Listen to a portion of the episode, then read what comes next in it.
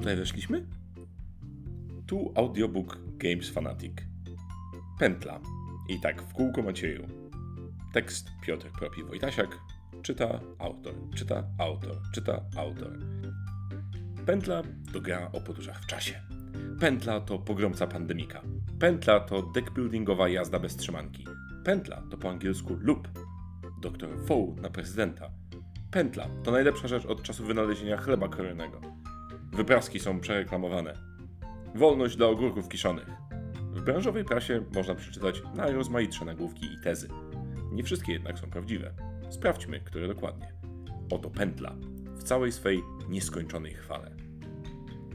Recenzja. Dekonstrukcja. Skoro gra bawi się koncepcją czasu, to i my zróbmy inaczej. Antymateria, antykoncepcja, antyrecenzja. Podróżujemy w czasie, zaczynajmy więc od końca i sprawdźmy, co się tam kryje. Najpierw demitologizacja. Deckbuilding w grze występuje, ale nie jest tu osią rozgrywki i jeśli ktoś ostrzy zęby na budowanie talii, znane choćby z Brzdęka czy Duny Imperium, naostrzył zębienie na marne. Podróże w czasie? Trochę tak, jednak bardziej nie. Cała afera z podróżami w czasie sprowadza się tu do określenia kierunku, w jakim teoretycznie biegnie czas w grze. Praktyce do dyspozycji graczy pozostaje 7 pól ułożonych w okręgu, a podróżowanie w te i we w te pomiędzy nimi nie sprawia wrażenia bardziej osadzonego w czasie niż podróż po planszy Monopoly czy Chińczyka. Wypraski? Nie, nie są przereklamowane i nadal ich potrzebujemy. Przynajmniej dopóki ktoś nie opatentuje antygrawitacyjnych kontenerów na żetony z nanowłókien celulozowych. Wróćmy jednak do początku. Wnioski końcowe. Pętla może się podobać mimo braku wypraski i niedoboru zakrzywień czasoprzestrzeni. I mnie również się podoba. Nie w każdej konfiguracji i nie w każdym składzie osobowym, ale zdecydowanie jest w tej grze coś przyciągającego jak oblany masą cukrową eksperymentalny magnes. Musimy jednak wrócić do przyszłości tej recenzji, czyli na sam jej początek, który akurat teraz wypada w połowie, a w zasadzie jednej czwartej. Wnioski pośrednie. Pętla to świetnie zilustrowana i nieco szalona kooperacyjna gra dla od jednego do czterech graczy. Stajemy tu naprzeciw złego doktora Fuchsa, który za pomocą bardzo niecnych planów chciałby zostać nie królem Polski, ale wręcz władcą całego wszechświata. A ponieważ wszechświat sam się nie obroni, do akcji wkraczamy my, agenci agencji, wyposażeni w talie pełne wściekłych gaci, przeklętych kaset wideo, matrioszek i truskawkowych pączków z dziurką. Uwaga, to autentyczne nazwy kart w grze. Słowem, wyposażeni we wszelkie agenckie precjoza niezbędne do powstrzymywania intergalaktycznych złoczyńców. Przyjdzie nam walczyć z doktorem Fuchsem i jego licznymi, pozbawionymi stopni naukowych, pomagiami. Walka odbędzie się dzięki ładunkom skumulowanej energii i sile naszych mięśni, które przepchną doktora, jego klony i całą zmechanizowaną piechotę do innego wymiaru. A może i jeszcze dalej. Czas pokaże. A propos czasu, y, czas zaprezentować Wam koronny klejnot pętli. Pętle. Wnioski zapętlone. Chyba najciekawszą mechaniką w grze jest właśnie tytułowa pętla, bo choć samo wykonywanie akcji z kart i poruszanie się po planszy może dostarczyć wielu wrażeń, to największej frajdy dostarcza właśnie wykonywanie pętli. Sprytnego zabiegu pozwalającego na ponowne wykorzystanie kart, pozwalającego na ponowne wykorzystanie kart, czasem pozwalającego na jeszcze ponowne wykorzystanie kart. Jeśli bowiem zakończymy ruch na polu wyposażonym we wspomniane zapasy energii, możemy użyć ich do przywrócenia do stanu używalności kart już wcześniej wykorzystanych i zużytych. Pobieramy energię, wybieramy jeden z trzech typów kart na naszej ręce i odpalamy ponownie nawet kilka kart naraz. Jeśli starczy energii, a każda pętla wymaga jej więcej od poprzedniej, możemy tak zapętlić się drugi, a może nawet trzeci i czwarty raz, tworząc rozkoszne kombosy i siejąc zamęt nie tylko w czasoprzestrzeni, ale i w szeregach wroga. I to właśnie w pętli pętla najjaśniej świeci blaskiem własnym. Z trzech kart dostępnych zwykle na ręce możemy wykręcić alpejskie wręcz kombinacje godne najlepszych czasoprzestrzennych skoczni. Łączenie podróży po okrężnej planszy i manipulacji żetonami następujące po sobie pętle daje ogrom radości i pozwala na przyjemne łamanie głowy, by jak najefektywniej wykorzystać zgromadzoną na polach gry energię. Możemy nie tylko przemierzać ogromne dystanse, ale też znacząco zmieniać stan gry, usuwać klony, pozbywać się zagrożeń, magazynować energię na planszy i wykonywać cały szereg akcji, nie pocąc się przy tym ani trochę. Szkoda tylko, że nasi towarzysze podróży mogą wtedy jedynie biernie przyglądać się i co najwyżej oferować opinie na temat naszych działań i odpowiedzialnego wykorzystywania zasobów, którymi przecież wszyscy musimy się podzielić. W pętli pętli. Doświadczenia płynące z rozgrywki w pętle wraz ze wzrostem liczby graczy rozsmarowują się po kromce czasu coraz cieńszą warstwą. W dwóch gra jest dynamiczna i zaangażowanie grających jest niemal namacalne. Gdy jednak na swój ruch przychodzi nam czekać dwie lub trzy tury naszych współgraczy, pojawia się apatia, obojętność, a może nawet lekka nuda. Stan na planszy zmienia się diametralnie. Dr Fuchs kilkakrotnie zmienia miejsce zamieszkania, zadania są wykonywane, a w ich miejsce pojawiają się inne, gracze śmigają po linii czasu, jakby im ktoś za to płacił, a my możemy co najwyżej patrzeć na to wszystko i myśleć, co zrobimy w naszej turze, gdy ona w końcu raczy nadejść. Przy zgranej ekipie downtime nie jest duży, ale niech tylko współgracze zechcą dłużej pomyśleć, czy wykonają kilka pętli, możemy spokojnie odejść od stołu i zrobić sobie czteroskładnikową kanapkę.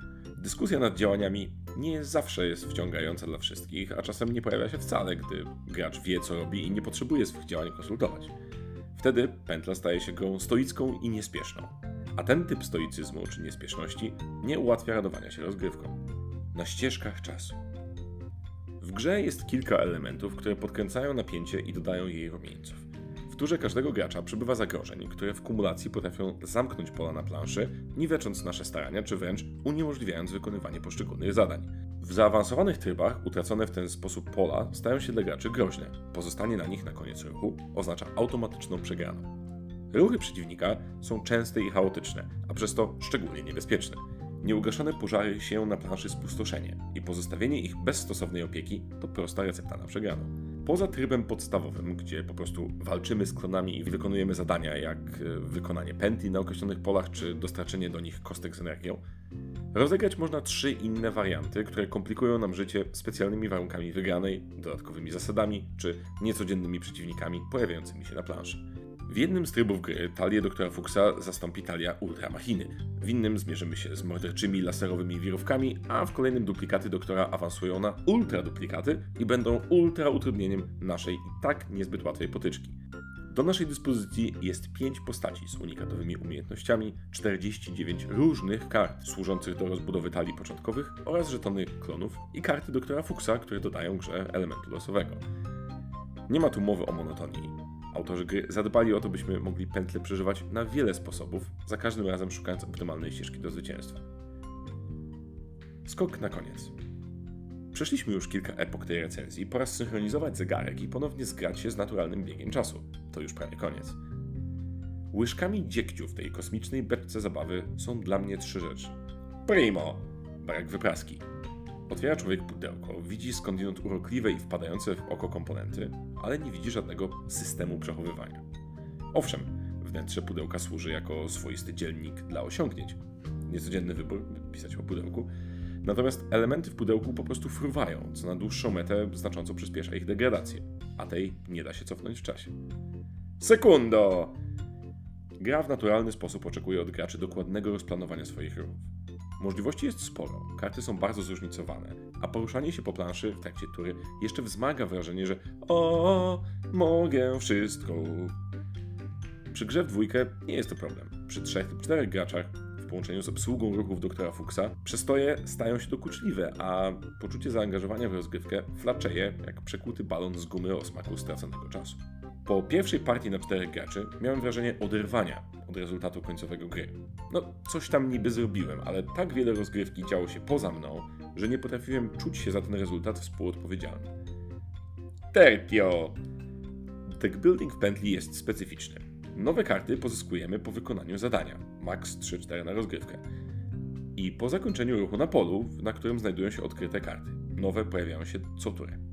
Jednak w grze, w której przy odrobinie nie szczęścia, każdy z graczy może rozegrać jedynie 3 lub 4 tury, przechodząc przez swój deck najwyżej dwukrotnie, a startowe talie dla postaci są predefiniowane, poczucie faktycznej sprawczości względem swojej talii jest nikłe. A to szkoda, bo karty są solidnie zróżnicowane właściwościami, każda z nich jest unikatowa, każda zawiera też poręczny skrót symboli, które się na niej pojawiają, ikony duplikatu, dobieranie karty, kostek energii bądź też wyrwy informują o tym, czego dotyczyć będą akcje. Praca z kartami jest intuicyjna, a przy okazji kryje się w nich większość humoru zawartego w grze. żartobliwych odniesień do wynalazków, historii i historycznych postaci. Notka służbowa. Większość rozgrywek poza jednym trybem trwa nie dłużej niż 21 tur, dzielonych na wszystkich graczy. Nie trudno policzyć, że przy czterech osobach na jednego gracza przypada 5,25 tury. To zdecydowanie mniej niż rekomendowane przez dentystów 7 tur na gracza. Po końcu, ale jeszcze nie na samym końcu. Pętla kusi i ekscytuje. Nie mam tu wątpliwości. Już na pierwszy rzut oka przyciąga wyrazistą, intensywną szatą graficzną, a gdy wczytać się w opis, również niebanalnością rozgrywki. I owszem, jest tu coś świeżego i innowacyjnego, nawet jeśli sam mechanizm odświeżania kart w ramach pętli nie jest szczególnie nowy czy odkrywczy. Znane nam danie przyrządzono tu w kunsztowny sposób, nie szczędząc egzotycznych przypraw i niebanalnych kompozycji smakowych. Gra nie daje poczucia podróży w czasie, przynajmniej nie temu recenzentowi, ale pozwala poczuć specyficzną skokowość i nielinearność rozgrywki. Plansza to wielkie koło, co od razu narzuca skojarzenia z grami typu kulnij i porusz się. Ale już sama mechanika poruszania się jest zupełnie oderwana od gier starego typu. Tu faktycznie w jednej turze można zwiedzić ogromną część pola gry, zasiać ferment w szeregach wroga, utrzeć doktorowi nosa i przy okazji zdobyć dla siebie nowy sprzęt. Gra skaluje się wraz ze zmianą liczby graczy w taki sposób, że po każdej turze gracza swój ruch wykonuje dr Fuchs, a na planszy pojawiają się nowe duplikaty i kolejne wyrwy. Te czerwone, znienawidzone kosteczki wchodzą do gry w dość widowiskowy sposób. Są wrzucane do mini wieży, z której wypadają w trzech losowych kierunkach, powodując popłoch wśród graczy. Naturalnie więc poziom zagrożenia rośnie wraz ze wzrostem liczebności agentów i w praktyce działa to bardzo sprawnie. Początkowe rozstawienie gry również ulega zmianie. Zmienia się liczba odkrywanych na starcie kart sprzętu oraz żetonów duplikatów doktora. Z tymi duplikatami, naszymi najliczniejszymi adwersarzami, walczymy poprzez przepychanie ich do wskazanego na żetonie pola R, gdzie następuje paradoks czasu i przestrzeni, a duplikat doktora ulega przyjemnej dla nas anihilacji. Mówiłem już o tym? Nie? No to teraz mówię. Pętla. Czasoprzestrzenne przepychanki klonów. Tego lata we wszystkich dobrych księgarniach i sklepach z akcesoriami dla podróżników w czasie.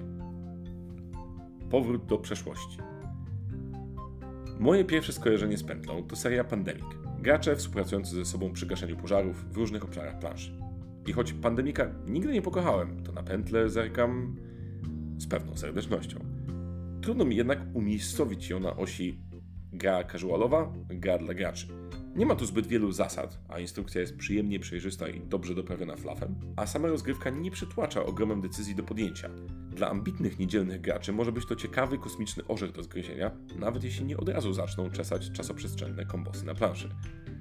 Dla graczy szukających twardszego kosmicznego orzecha może być go tu za mało, bo i ruchów per gracz jest tu relatywnie niewiele, przez co planowanie dalekosiężnej strategii czy budowanie talii pod specyficzne zagrywki może być trudne do realizacji.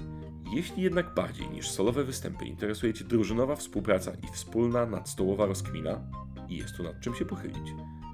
Elementy kooperacyjne dają ciekawe perspektywy, od planowania ruchów i podziału ról, przez zostawianie zasobów umożliwiających ruch i odpalanie pętli innym graczom, aż po rozważny podział nagród za wykonanie zadań. Możliwości jest tu sporo i jeśli sukces drużyny jest dla Ciebie ważniejszy niż osobiste osiągnięcia, to znajdziesz tu powody do mruczenia. W obecnej erze, przyszłej, a pewnie i kilku przeszłych. Gra dla 1 do 4 graczy w wieku od 10 do 12 lat. Potrzeba około godziny na rozgrywkę. Zalety: oprawa graficzna przypominająca złote czasy Cartoon Network, zróżnicowanie kart i trybów rozgrywki, dobre skalowanie poziomu trudności przy różnej liczbie graczy. Wady: kuriozalny wręcz brak wypraski przy bogactwie ciężkich elementów w pudełku, jak grube planszetki, drewniane miple czy wieża doktora Fuchsa. Zauważalne przestoje przy wyższej liczebności graczy, relatywnie mało budowania talii jak na grę o budowaniu talii. Po więcej zapraszamy na www.gamesfanatic.pl. Czy to nie tędy...